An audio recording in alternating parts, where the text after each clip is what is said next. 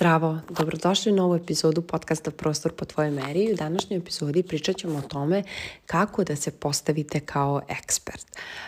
Ljudi uglavnom kad prvi put kreću online imaju tu e, zadršku, tu neku kočnicu, e, da nisu dovoljno dobri. Iako imaju svo znanje koje su radili, koje su stekli, to jest kao iskustvo offline radeći, e, nekako se uvek stvori ta kočnica i ta misao, ali ja sam sada na početku. Ne, nisi na početku, nego ti samo krećeš online i evo nekoliko savjeta kako da se postavite kao ekspert.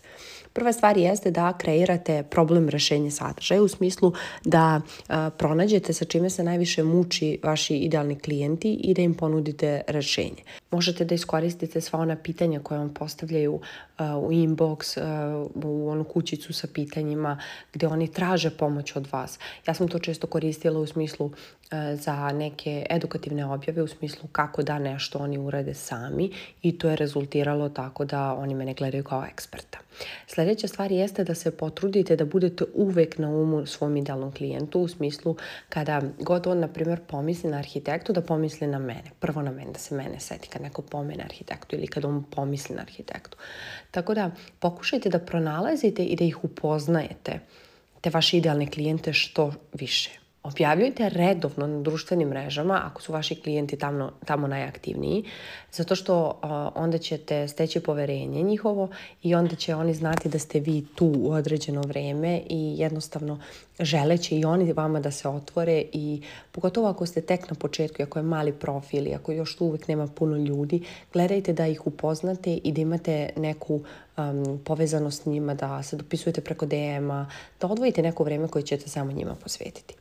I treća stvar jeste da se postavite kao autoritet u smislu da prihvatite situaciju u kojima možete da se postavite kao autoritet jer je to šansa za predstavljanje vas kao eksperta i vašeg brenda, a to su uglavnom podcasti, neke saradnje, um, lajvovi sa drugim uh, kolegama, događaj na kojem vas pozivaju da učestvujete i tako dalje. Uh, ovo je važi samo za one koji žele da se postave kao autoritet, uh, zato što Neko možda želi da ima više taj um, drug ili drugarica uh, fazon i da, uh, ili odnos i da jednostavno uh, ne želi da ima autoritet, ali on, onda u tom, tru, u tom slučaju ne možete da se postavite kao ekspert, jer onda kad ste drugarica, onda imate tu neku bliskost um, i neko drugačije poverenje gde oni vas ne smatraju kao autoritet i nema, nemaju potpuno poverenje u vas, tako da budite oprezni što se toga tiče.